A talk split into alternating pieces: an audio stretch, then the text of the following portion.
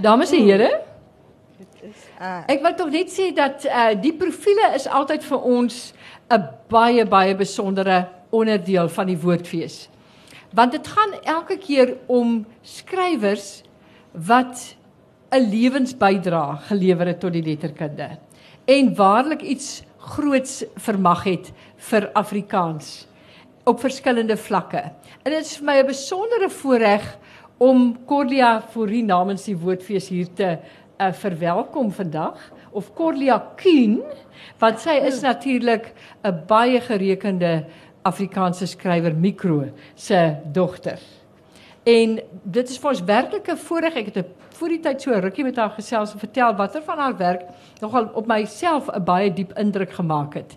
Ehm um, En Basiewit sy's baie baie veelsidig. Ek gaan nie daarop in nie want ons het baie mooi goeie kundiges wat vandag vir u kom vertel van die van haar werk en dan ook vir haar lewe. Uh Stephanie Nieuwoud wat ook baie nuttige werk doen vir die Woordfees. Sy blog en sy is besig met Twitter en Facebook en al daardie goed waarby ek nooit uitkom nie. Maar sy doen wonderlike werk. Baie dankie daar vir ons uh, uh, uh Stephanie. En dan natuurlik Amanda Lourens wat 'n kollega van ons is in die departement en uh, wat altyd voortreffelik is. Ek het juis vir Cordia gesê sy's in sulke goeie hande met Amanda uh, vanmiddag. So ek laat hier in hulle goeie hande, maar ek wil net sê is almal baie baie welkom. Ek sal net aan die einde weer terugkom. Eintlik maar ek sê dit nou al reeds. Daar is ons die profile word spesiaal begunstig want ons drink altyd gesellig 'n wyntjie agterna. So is byvoorbeeld al uh, uitgenooi om agterna lekker te kuier saam met Corlia en nog so 'n bietjie te gesels met haar. So baie dankie. Ek sien baie uit na hierdie spesifieke spesiale profiel. Bietjie meer uit. Corlia, ja, en weet jy, ek het jou nog gaan Google. Nie omdat ek jou nog nie ontmoet het nie of nog nie jou werk meer kennis gemaak het nie, maar dit is werklik oorbluffend as 'n mens daar op die skerm gaan sien wat jou oeuvre alles behels. Die rykheid daarvan het my absoluut opgeval. Jy het begin in die 1980s, het jy begin skryf as dramaturg. Daarna het jy begin kinderboeke skryf ook. Daarna in die 1990s het jy oorbeweeg na die prosa toe, maar jy was ook samesteller van 'n hele paar versamelbundels. Jy is meermale bekroon van jou dramas is opgevoer. Dit is regtig 'n wonderlike verskynheid. Die vraag wat nou by my opkom wanneer ek al hierdie werk sien, die verskillende genres, dan wonder ek hoe gebeur dit dat jou kreatiewe verbeelding op soveel verskillende plekke neerslag vind. Hoe kry jy dit reg om in soveel genres te skryf? Wil jy vir ons bietjie meer daaromtrent vertel? Ehm, um, weet jy mens dink nie eintlik aan 'n genre nie. Jy 'n idee kom in jou kop en hierdie idee is is 'n spe, spesifieke ding. Dis 'n uh, 'n drama of dis 'n kortverhaal of dis 'n um, roman of dis radio radio stories het ek ook geskryf. Um in dis of die die gegewe homself aanbied as iets. So ek besluit nie ek gaan nou 'n ander genre doen om die waarheid sê ek het besluit romans het mens te veel woorde voor. Ek wil nou 'n bietjie iets anders doen. En dan kom nou weer iets in jou kop en dan besef jy dit kan net 'n roman wees. Ek kan dit nie op 'n ander manier uitwerk nie. Dis bitter interessant. Um as ons nou gaan begin gesels oor jou werk, ek dink wat belangrik is om vir die gehoor te sê dat Corla het ook so 'n omvangryke oeuvre. Ek ons het gedink toe ons die gesprek beplan het, dit is glad nie sinvol om as dit ware oor die een boek die ander boek as dit ware in volgorde te behandel nie. En ek en Cordia het 'n bietjie gedink en sy het voorgestel dat ons die invalshoek gebruik van haar belangstelling spesifiek in die vrou. Die vrou in al haar vergestaltings, vrou wees, meisie wees en dan spesifiek vrou wees binne 'n patriargale stelsel. Ehm um, Cordia, as 'n mens nou na jou oeuvre gaan kyk, verskillende boeke waarna ek gekyk het, dan is dit definitief so dat jou vroue karakter sentraal staan. Jou verhale gaan oor hulle belewennisse, hulle waarnemings.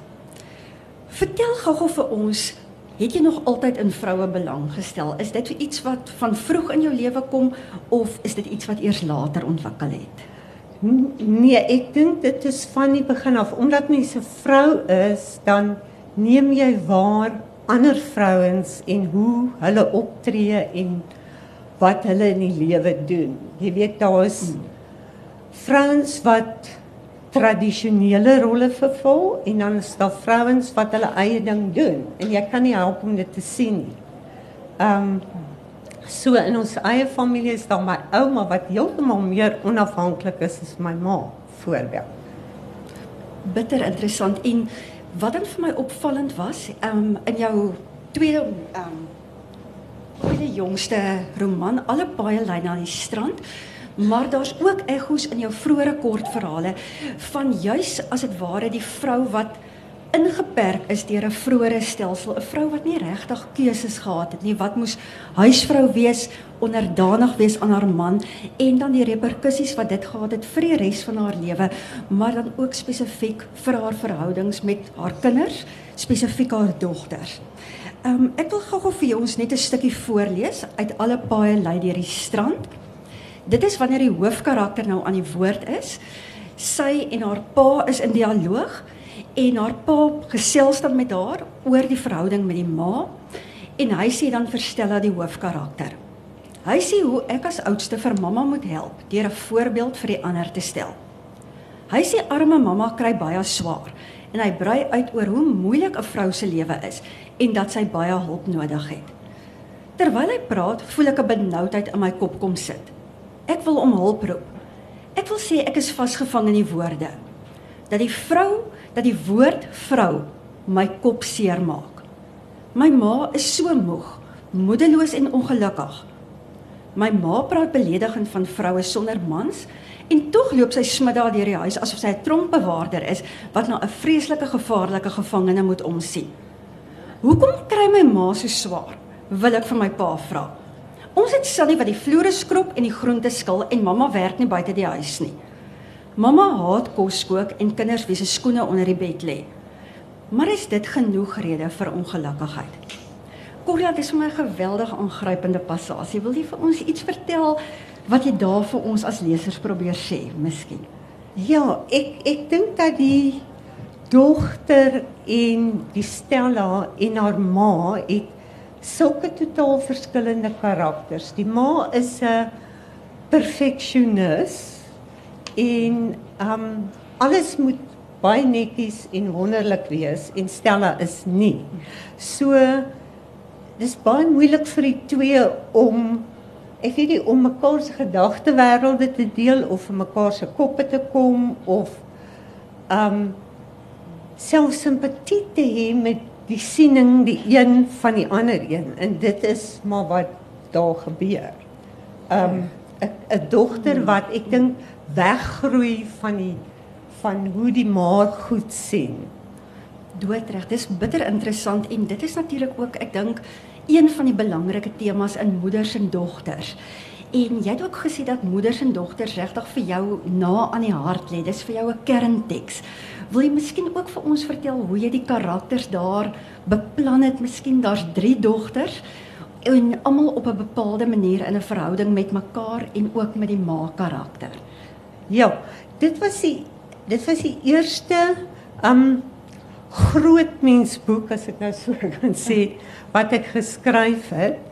En um dit was op 'n stadium toe journalistiek vir my bietjie onbevredigend begin word het. Maar toe ek gaan sit en ek gedink wat wil ek skryf? En ek het baie dramas in um Londen gesien. Het, ons ons het op daai stadium in Londen gebly.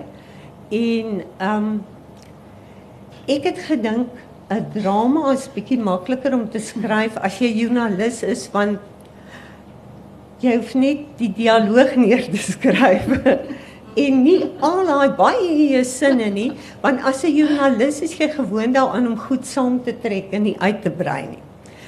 Maar toe ek nou gaan sit en nou gedink hoe moet hierdie karakters wees en ek hou baie van Chekhov se ehm um, werk maar dit nou nie heeltemal soos Chekhov uitgedraai nie.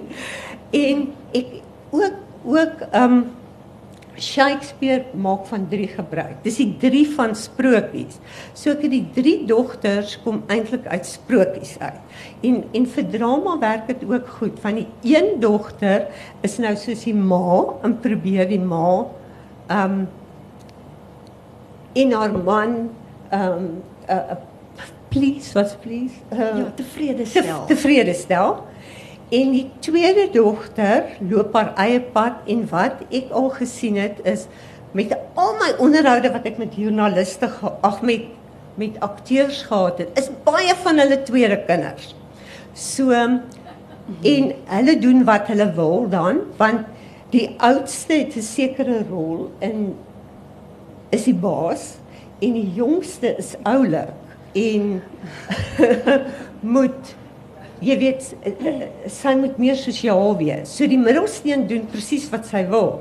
Maar in my storie is die jongste toe um die rebel. Die tweede een steur aan iemand nie sy volg net haar eie paadjie. En um en dit maak lekker dat hulle teen mekaar en wat kan praat. En die ma is op die oomblik in skok van die pa se pas dood En um, dit was in 19, was het 22, 76 iewers. Ek sien baie goed met datums nie, maar dit was ja, onlustig geweest. Ja. So die agtergrond daarvan is die onluste en dan die vyfde karakter was hulle bediende wie se kind sommer net doodgeskiet is soos hy gaan brood koop het. So, so daar was ja. eintlik vyf vroue op die verhoog. Vyf ja. vroue. En wat vir my ook baie interessant is van moeders en dogters, is dan juist soos jy nou genoem het die politieke konteks wat jy bytrek. Ja. Ehm um, dink jy daardie bytrek van die politieke konteks, dink jy dit was in die tyd toe die drama gepubliseer is, was dit miskien 'n waagmoedige ding om te doen? Weet jy, ek het eintlik toe ek daar gesit het, ek vreeslik verlang na Suid-Afrika. En ek het gedink ek moet iets skryf oor baie mense het ek gesien, wit mense wat totaal verbaas was oor hierdie opstand en in vir my destyds gesê het hulle het nooit vermoed dat ander mense ontevrede is met die stelsel nie wat vir my nou natuurlik verskriklik vreemd was, maar in elk geval en hierdie hierdie dogters ook hulle sê seker wat's aan die gebeur nie. Um so daar's hierdie um agtergrond van spanning en so aan. So ek het probeer om om die Suid-Afrikaanse situasie te skep. Maar toe skep ek nie heeltemal nie die Suid-Afrikaanse situasie nie, toe skep ek iets anders wat ek nou nie beplan het nie. En maak nie saak hoe veel keer ek daar gesin oorgeskryf het, dit weer so uitgekom. Bitter interessant. Ehm um, weet jy Cordia, juist wat jy nou vertel oor die hele politieke situasie, die politieke agtergrond, laat my dan ook dink aan daardie baie bekende daardie absoluut wonderlike verhaal van jou liefde en haat. Wat ja. natuurlik baie bekend is, wat ook opgeneem is in die Afrikaanse kortverhaalboek. En dit werk natuurlik ook met die agtergrond van die politieke onluste van destyds. Ek neem aan dit is ook die 70er jare. Nee, ek, of is ek dit dink dit is bietjie vroeër. Is dit 'n bietjie vroeër? Ja, maar daar was so baie politieke onrus gewees deur al die jare. Jy kan maar net 'n jaar vat en daar was iewers iets gewees. Ja. Dis hy. Maar wat dit vir my ook dan 'n baie interessante verhaal maak, is dat jy juist die politieke opstand dan ook gebruik vir 'n verhaal waarin jy iets sê ook oor die kom ons noem dit die gewelddadige aard van die patriargale samelewing, maar wat dan soms miskien eintlik 'n wolf in skaapsklere is. Ek wil hê ons moet so 'n bietjie gesels um oor hierdie hele gedagte van die pa-figuur in die verhaal Liefde en Haat. Daar's natuurlik ook 'n ekko daarvan in alle paaie lei na die strand. Die pa-figuur wat so beskermend is teenoor sy familie dat hy sê hy sal eerder sy hele gesin sal hy self as 'n gesinsmoord sal hy uitwis eerder as om die gesinslede in die hande van die sogenaamde swart gevaar te laat val.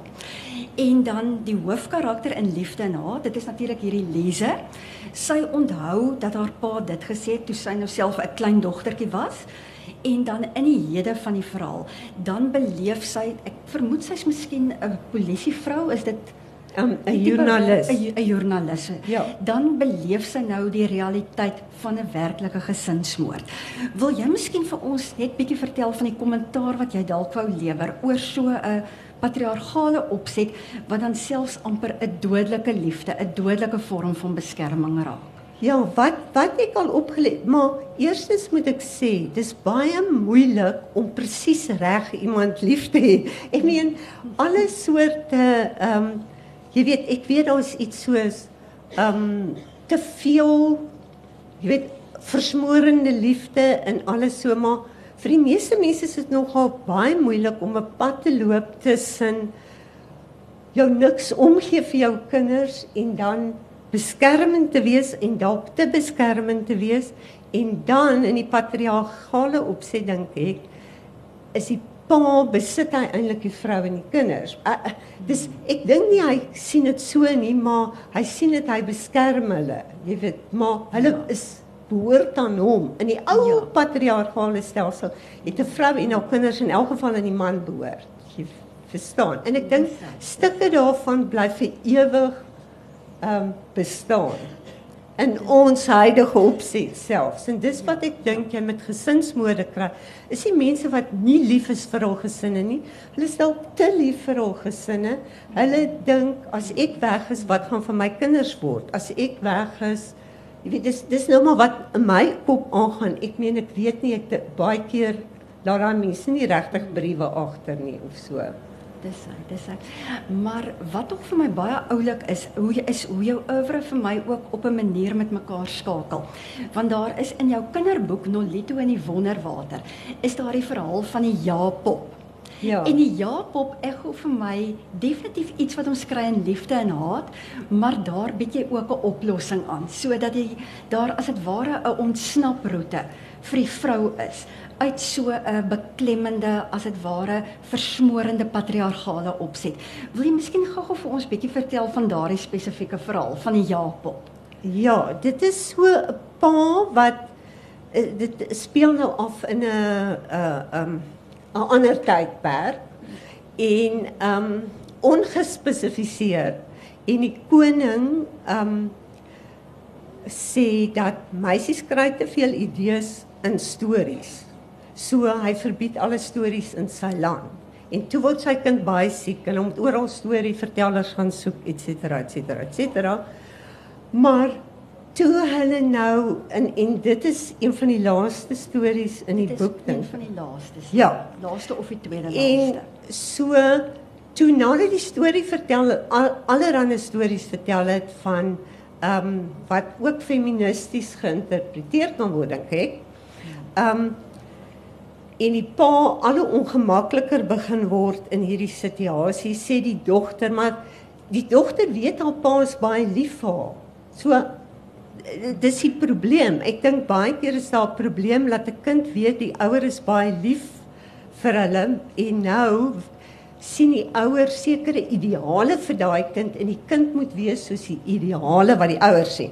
Maar in elk geval so die ja-pop sy het 'n pop gemaak en ehm um, iemand het vir gesê ek is nou nie meer seker hoe werk hierdie storie nie. maar iemand het vir gesê as hy deur die toorwater gaan kan sy ontsnap. En so sy weet nie om deur hierdie toorwater te gaan nie. Um so sy drink 'n bietjie en sy doen iets en et cetera et cetera et cetera, maar uiteindelik gaan sy deur die toorwater en sy word die Jaapop en die die Jaapop is 'n pop wat net sê ja pa ja pa ja pa ja pa jy sien. En toe is dit of sy ontsnap in haar kop uit hierdie situasie uit. Dis reg. Sodat jy eintlik vir 'n mens sê die oplossing lê tog op 'n manier ook in jouself. Hoe jy ja. kyk na dinge en dit skakel dan natuurlik weer met daardie ander pragtige kinderverhaal van jou um, met die titel Meisies is beter slawe as seuns. Wat natuurlik 'n baie misleidende ja, titel is. Ja. Ja. Miskien wil jy bietjie vir ons vertel van wat jy in daardie verhaal probeer doen dat dat die toergoed sê die die karakter wat hierdie meisie nou um, as slaaf gevange neem. En hy sê dan vir hierdie meisie die toorgoed is in jou kop, die geluk is in jouself. En hy's verskriklik kwaad vir haar. Dat maak nie saak hoe hy haar verslaaf, wat hy met haar probeer doen nie, sy bly gelukkig. Vertel vir ons 'n bietjie van ja. Ehm um, dis 'n baie ongelukkige man en toe sê die mense vir hom ook dis ook in 'n ou tyd nê So hy's baie ongelukkig en die mense sê vir hom: "Ehm um, kry of vir jou 'n vrou of 'n slaaf om jou gelukkig te maak." En hy sê nie hy's so ongelukkig, hy gaan 'n vrou ook ongelukkig maak. So hy gaan maar 'n slaaf vir hom kry. gaan nou na 'n ander dorpie en vang. O, toe sê hulle maar jy moet 'n meisie kry as 'n slaaf want meisies is beter slawe as seuns. Hulle praat nie teen nie, hulle loop nie weg nie, hulle doen alles wat jy wat jy sê. Uh, toe gaan hulle na 'n ander dorpie en hulle vang 'n uh, toe vang hy die meisie en sy huil en sy's baie ongelukkig en toe sê hy vir en hy's baie bly. Hy voel sommer gelukkiger toe hy sien hoe ongelukkig sy is. Toe sê hy vir hom, "Maar gaan nou verskillende plekke. Ek dink bos toe, rivier toe, wat. En elke keer as hy terugkom van die plek waar hy nou gesê huil voor sy gaan en as hy terugkom dan lag sy en sy is heel vrolik. En hy sê toe vir Hoekom lag jy? Wat jy moet te lag? Sy sê maar sy het iets moois by die rivier gesien en dit haar so gelukkig gemaak. En dan kom sy terug en dan sê hy nou gaan jy nie meer rivier toe nie. Môre gaan jy bos toe. Ehm um, nou huil sy want sy gaan haar pa en ma nooit weer sien nie. Sy gaan die mooi rivier nooit weer sien nie en sy's baie ongelukkig. Maar dan gaan sy bos toe en sy terugkom, is sy verskriklik gelukkig. En hy sê, "Wat het jou oor gelukkig te wees?" Dan sê sy, "Maar o, die bos was iets so mooi, klein bokkie wat ek gesien het." En die bokkie het my so gelukkig gemaak dat ek nou baie bly is. Sê, "Jy sal nooit weer bos toe gaan nie." So gaan hierdie storie aan totdat die die baie jaar later in 'n donker hut toesluit waar sy niks kan sien nie. Dink, okay, nou, nou sal jy ongelukkig word. Nou het ek my sin gekry. Jy gaan net so ongelukkig wees soos ek. En toe die volgende nag toe hy dit oopmaak, toe lag sy. Toe sê hy, "Maar wat het jy oor te lag?" Toe sê sy, "Maar ek het gedink aan al die mooi goed wat ek in my lewe gesien het en dit het my so gelukkig gemaak." Toe sê hy van nou af is ek jou slaaf en ek gaan agter jou aanloop want jy moet my die geheim van ware geluk ja. leer. En ek dink toe sê sy, maar jy verstaan nie want in my kop was ek nooit 'n slaaf nie. Dis hy, dis hy. Dit is vir my pragtig hoe jy as dit ware die krag van 'n mens se denke, die manier hoe jy na dinge kyk, wat jou perspektief is, hoe jy dit absoluut ontplooi hier en eintlik dan vir ons so ontsnaproete aandui, nê, uit uit die dinge wat ons miskien kan verdruk of wat ons onderdruk. En weet jy Corla wat ek eintlik daarmee wil afsluit want ek sien ons tyd is eintlik nou besig om tot 'n einde te kom. Daar's hierdie pragtige verhaal, ook een van jou kinderverhale met die titel Die verkeerd om dorpie. En daar keer jy as dit ware letterlik die tradisionele manlike en vroulike rolle op hulle kop en jy gee ook eintlik vir ons die oplossing vir hierdie hele problematiek van dis die vrou se werk, dis die man se werk. Jy moet tevrede wees met dit wat die samelewing vir jou gegee het. Wil jy miskien kortliks ons kommentaar lewer oor daardie pragtige verhaal? Ehm um, ja, in die verkeerd om dorpie, ehm um, So daar's 'n dorpie en dis ook nou in die baie ou tyd en daar's 'n dorpie en ehm um, in hierdie dorpie vang vroue vis en mans haal heuning uit. En uh die jong man sê toe maar hy wil 'n dapper vrou hê. Hy wil 'n vrou hê wat iets anders doen. Ook kan heuning uithaal, nie 'n vrou wat net daar in die rivier staan en vis vang nie. Toe sê sê 'n ou vrou vir my, weet jy daar is so 'n dorpie, as jy ver afloop met hierdie rivier en gaan in die oorkant, is daar 'n dorpie waar waar meisies ehm um, heuning uithaal. En ehm um, hy gaan toe af met die rivier en net toe hy dink hy gaan nooit daar uitkom nie, ehm um, gaan hy deur die rivier en en regtig daar sien hy sien man staan in die rivier en hulle vang vis. En net hoor hy hier vrolike geluide en hier kom die meisies terug en met die heuning. En die aand om die ehm um, vuur of wat sê hy vir hulle?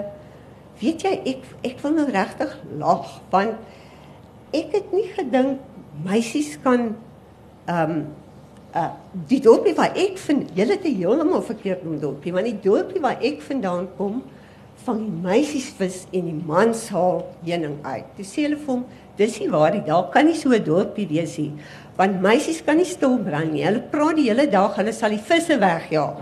En hulle kan nie heuning uithaal. En toe soos daar so gestrei in die dorpie dat hulle hom toe uitskoop. En toe gaan hy terug na sy eie dorpie toe en hy sien die meisie wat op hom verlief is, maar sy staan daar stil en hy sien hoe mooi stil sy staan en sy vis vang en Toe sê hy maar dis die dorpie vir my want ek hou van baie ag baie uithaal. Heuning uithaal en ek is tevrede met met hierdie dorpie. En wat vir my ook dan so pragtig is, is hoe jy die meisie van sy drome dan nou uitbeeld. Sy doen wat sy doen, maar nie omdat die samelewing dit vir haar sê nie. Al is dit moontlik haar voorgeskrewe rol. Sy doen dit nog steeds omdat dit haar passie is. Sy ja. doen dit met oorgawe. Want dit is vir my so die werklik die boodskap uiteindelik van jou hele oeuvre is solank vroue doen wat hulle met passie kan doen, dan is vroue uiteindelik bevry. Dit is vir my 'n pragtige boodskap. Dis. Korla, ons tyd is ongelukkig verstreke, myne en joune. So ek gee dan nou oor aan my kollega. Baie dankie. Dankie. Ek wens dit iemand kon hierdie water nou net sterker verander sodat ek nou voel. Afval. Um Corlia, dis baie lekker om met jou te gesels. Ek ek het al baie keer in die verlede onderhoude met jou gedoen. En maar dis nogal intimiderend om hier te sit en al hierdie mense kyk se na my. In elk geval. Um ek het 'n gedig saamgebring wat vir my baie mooi is. Die titel van die gedig is Huisie in die bos. En daar's verskillende goed daar. Dit beskryf 'n vrou wat alleen bly. Dis 'n vrou wat duidelik baie visueel ingestel is. En um sy sê onder meer 'n reën spinnekop met zebras bene hang skeef in my blou slaapkamer se wit gordyn. Is ek te naby aan hierdie ding? Nee, okay. Um dit dui vir my op iemand wat vreeslik visueel ingestel is, maar ook 'n digter wat digters is visueel ingestel, maar hierdie spesifieke beeld is my baie mooi. Maar Cordia, daar's ander goed wat ek jou ook hieroor wil vra, maar ek dink wil jy nie net asseblief dalk dit gou lees nie, asseblief. Ek het nie geweet hierdie gedig is op Google, maar in elk geval ek het vir Lit net dit gestuur. En ek goed, die gedig se naam is Huisie in die bos. My huisie in die bos is in Joburg. Sneeuwwitjie en die dwergies woon elders en geen prins kom ooit kuier. Maar in die lente swer, swerm tarntale kier kier kier by my hek verby. 'n Gemmerkat van waar maak hom rek strek tuis op my wit tuinmuur. 'n Skilpaadjie swem een somerse stormdag by my sitkamervenster verby. 'n reënspinnekop met sebra bene hang skeef aan my blou slaapkamer se wit gordyn. 'n Rot wat pruim en piesangs vreet trek in agter die pype van my knuskombuis. 'n Akedus lê ou gat in die winterson op my sitkamermat. Hier bly ek heks jaar in jaar uit alleen saam met my hele dieretuin, weil ek met woorde bak en brou.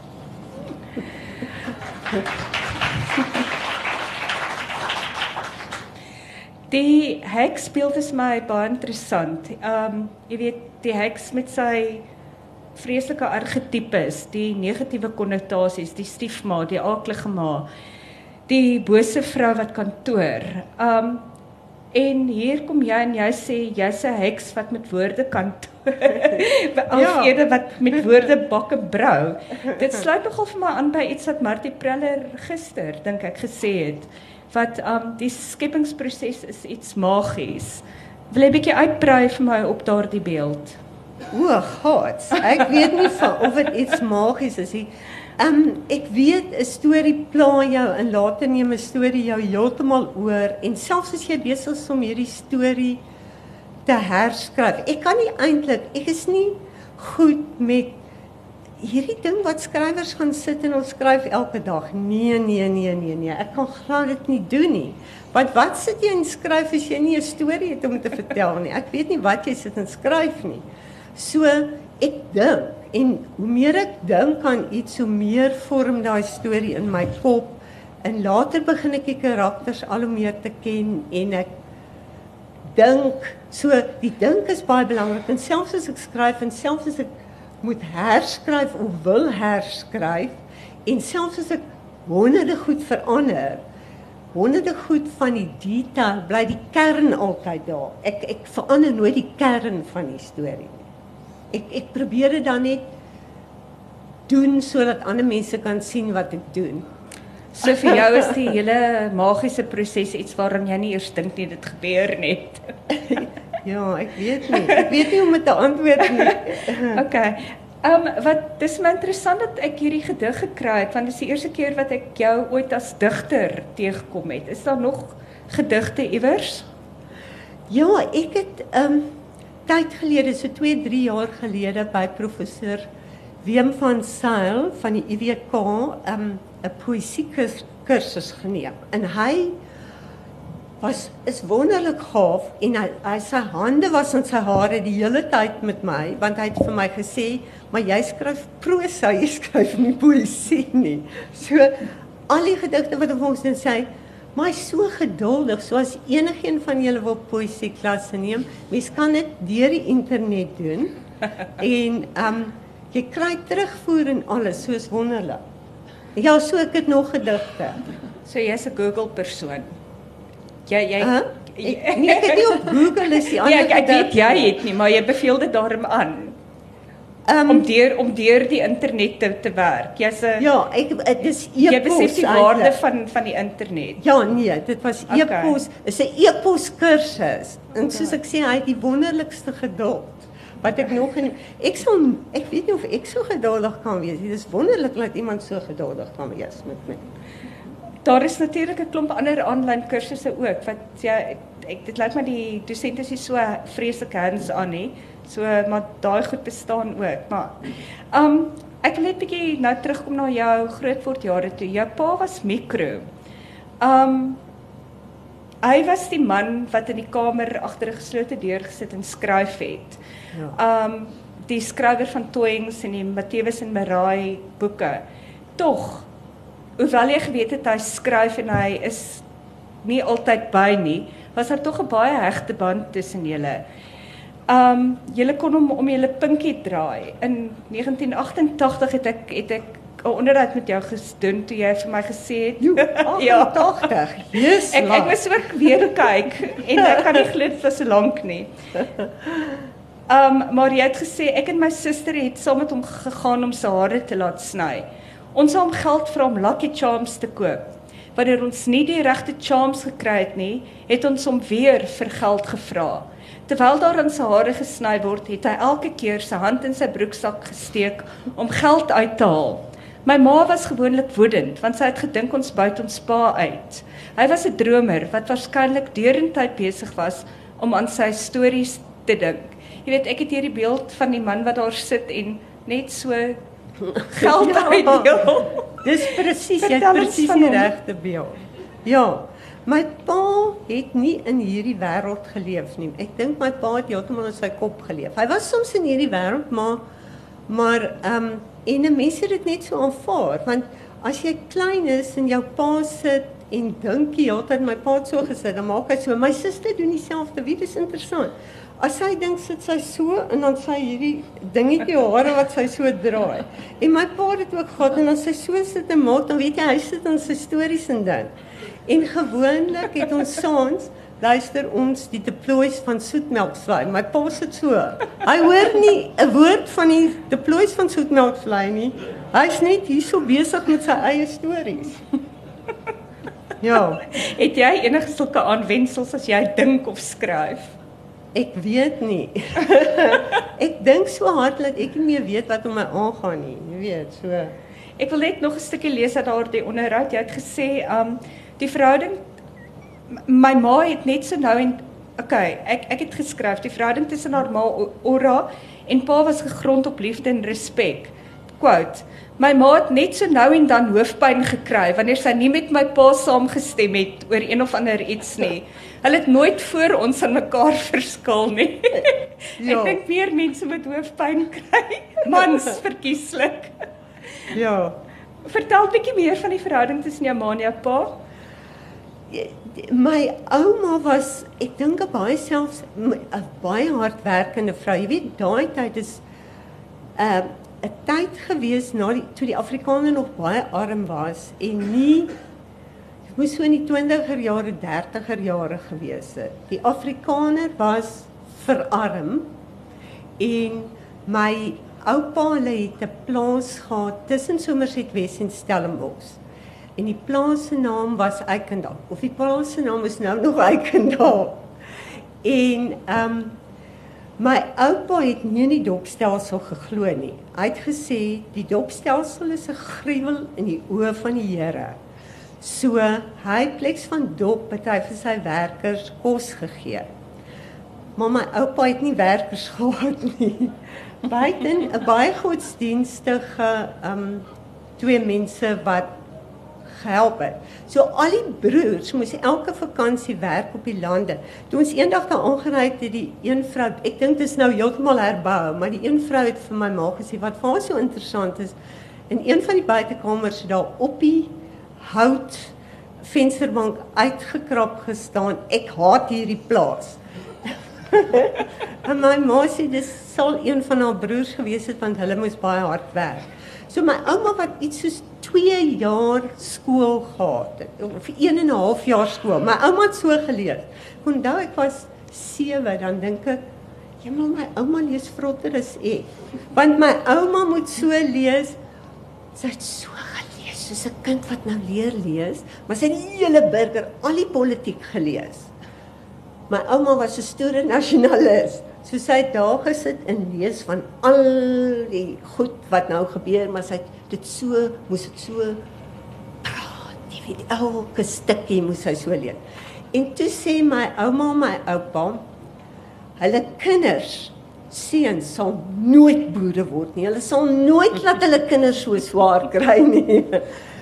Toe verkoop hulle die plaas toe kom koop hulle vir hulle hier 'n Lucieshuis op uh, groot huis op Stellenbosch en my ouma het 'n Lucieshuis daar. En my oupa het 'n groentetuin en hulle voer die studente. So hulle het baie kinders gehad, 5 of 6 en die vier seuns moet almal universiteit toe gaan. En geleerdheid kry hulle nie van wat sê hulle of hulle kleinkinders vandag daarvan. Maar in elk geval dat hulle nie dat hulle geleerdheid het en nie jy weet en so my so my ouma het verskriklik hard gewerk. En my ma is die jongste van daai kinders en ek dink my ouma het verskriklik skuldig gevoel oor my ma want my ouma moes so hard werk. Ek dink nie sy het enige aandag aan my ma die laat hom gegee nie en haar broers moes haar grootmaak. Die ouer kinders moes haar grootmaak. En ek dink my ouma het in vrye hele lewe daaroor skuldig gevoel want ons was die mense wat altyd gaan vakansie hou. Niemand van die ander kinders. Een of twee keer as daar neefs en niggies was, het my ma beswaar gemaak, maar dan was daar nooit meer nie. Elke Desember vakansie het en jy weet as jy 'n kind is jy aanvaar net dat jy's julle gesin gaan altyd vakansie hou. Nou dink ek my ouma moes skuldig gevoel het oor hierdie kind van haar wat sy nie aandag aan kon gee nie. Ek wonder of dit dalk die rede is waarom jou ma en jy so ongemaklik is 'n um, verhouding gehad het. Jy weet, um, jy het vir my gesê jou ma het op 'n keer vir jou gesê jy is nie haar gunsteling kind nie. En um dat julle nog 'n moeilike verhouding gehad het. Ja, die die die moeilike verhouding het daarvan gekom omdat ek nie 'n oulike kind was nie. my suster was is 'n my suster is baie mooi en ehm um, sy lyk glad nie soos ek nie. Sy donker haar en groen oë en mooi gesig. Sy was 'n champagne noontjie so op Stellenbosch gewees.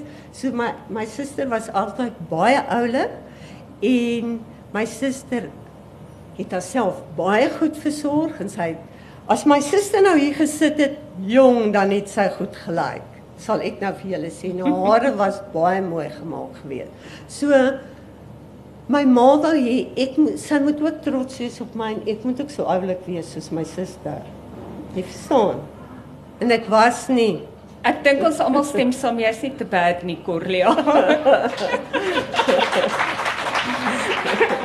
skryf jou suster? Wat is jou suster se boeke? nee, my my suster lees nogal my boeke. Dit is vir my baie vreemd want my suster lees nie. Val. Sy sien op na ja. Um daar's ons natuurlik ook in die populêre sielkunde word sewe bonde geïdentifiseer in 'n swak moeder-dogter verhouding. Van dit sluit in swak selfbeeld, selftwyfel, herhaling van dieselfde patrone, bla bla bla. Um dink jy kan jy identifiseer met met hierdie goed of dink jy jy het dit al oorkom of is is hierdie swak ouer dogter ma dogter verhouding iets wat jou altyd bybly? Um is bedoel jy ek as mens dit oorkom of het ek in my verhouding met my dogters dit oorkom? Beide. Um het het jy want dit dis my opvolgvraag. Hoe het jou um die manier waarop jy jou eie kinders grootgemaak het verskil van hoe jou ma jou grootgemaak het? Maar ja, so ek dink dan sluit dit aan hoe jy dit self oorkom en in jou verhouding tot jou kinders. Um in my verhouding tot my kinders, maar hulle is beter mense om te vra. Maar in my verhouding met my kinders het ek definitief probeer om nie 'n gunsteling te hê nie. Maar nou sê albei vir my die ander een is my gunsteling. So hulle sê dan sê nee maar daai een is maar se nee jy's jou my gunsteling. En albei voel ek het op tyd ek meer van die ander een gehou. So maar albei voel dit. Het dit dalk enige iets te jy weet die verhouding van jou ma, hoe het dit ingespel op op die soort boeke wat jy geskryf het? Waar daar vroue is, jy weet, um dalk met 'n bietjie feministiese aanslag. Ek weet jy hou nie van om jouself as 'n feministe te beskou nie, maar hoe dink jy het het jou verhouding die goed wat jy geskryf het beïnvloed? Um jy weet, eerstens, dit is nou eerstens wou ek skryf nie. Ja of toe ek baie klein was het ek gesê ek gaan skryf. Ek net stories geskryf, bladsye vol goeters en ehm um, dit was toe ek heel klein was op laerskool. Maar teen die tyd op ek hoërskool was, het ek besef ek kry tweedehandse aandag. Dit wil sê, ehm um, dit is Mikro se dogter, jy weet, en ek gedink vir die res van my lewe gaan hierdie etiket om my nek hang, so ek gaan glad nooit skryf nie. Want ek gaan nou net 'n joernalis wees en ek gaan net met feite werk. So al klaar wou ek nie skryf Nee.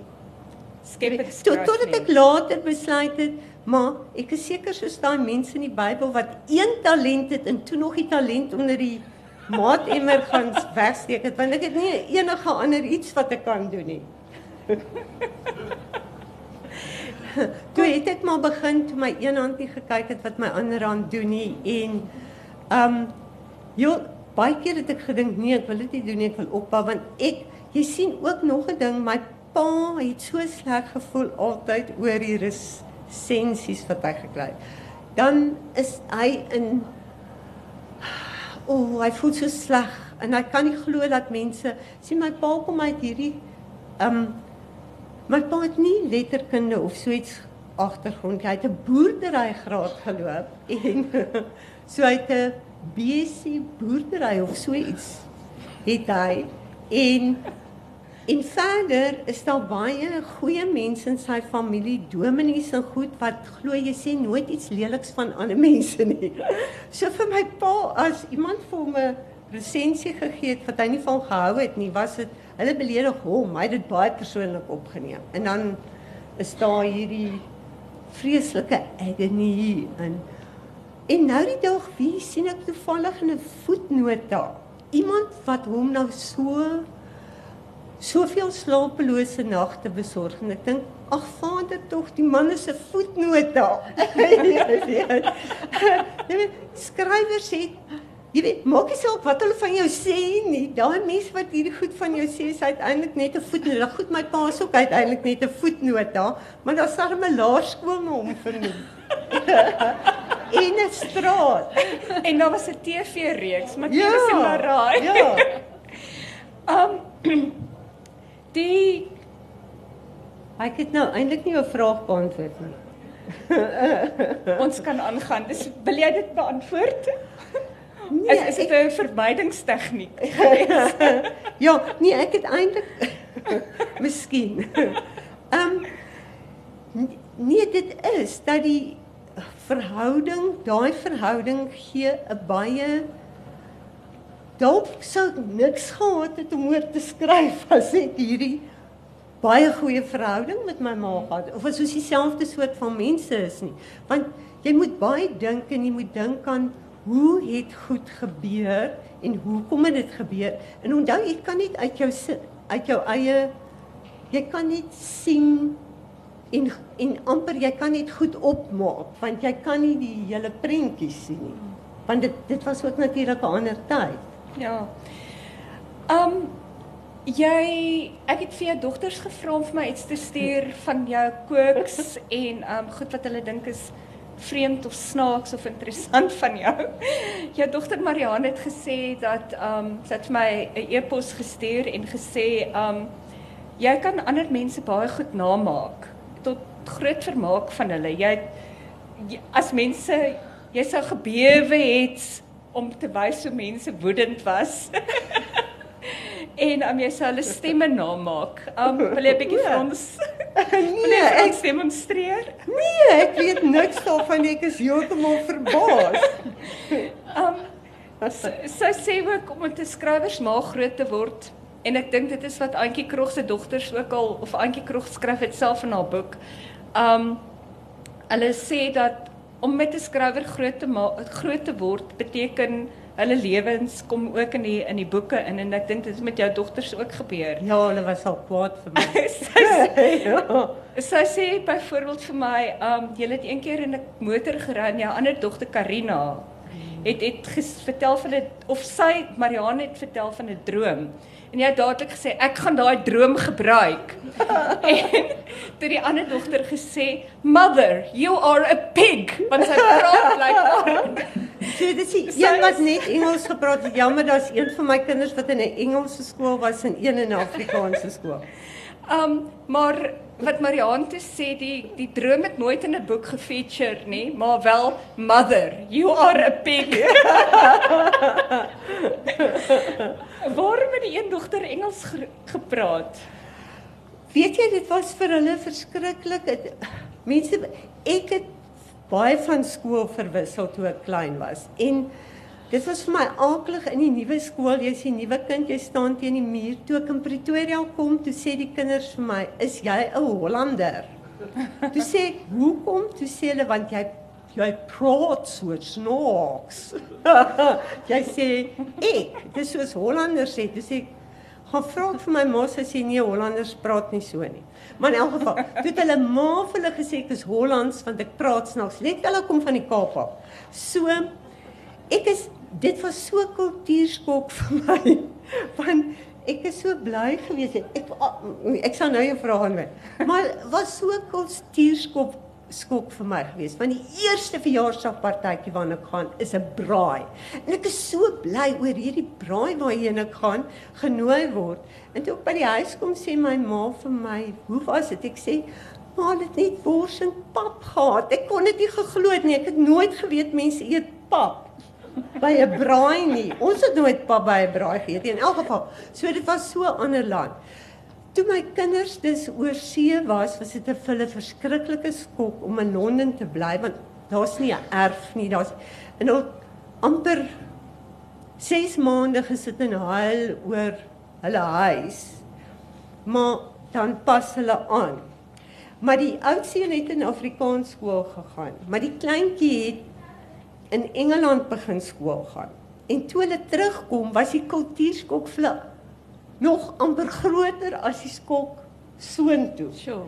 Want ek onthou die oudste kind het die hele tyd vir hom maats vertel en ek gedink nee, dis nie 'n goeie ding nie, maar sy dan sê sy Maar in Londen het ons dit so gedoen. Jy weet, nee maar in Londen het ons partytjies so gehou. Dan sien ek aan die kinders se gesigte, hulle dink dat nie dis oulik nie.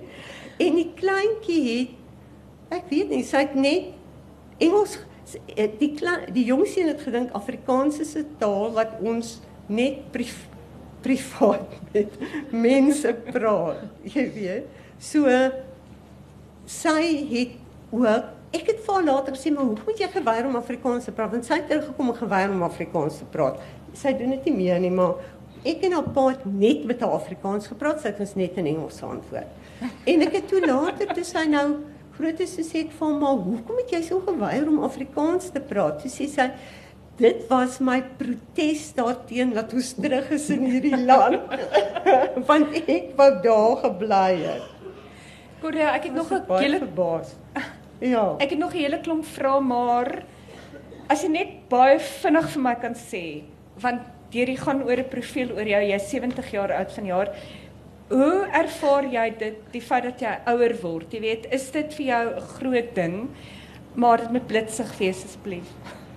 Um Die ding is, ek kom my ouma het altyd gelieg oor haar ouderdom. Sy het selfs 'n familie stamboom ding half met 'n lemmetjie haar ouderdom uitgewis en vir haarself 'n ander ouderdom ingeskryf.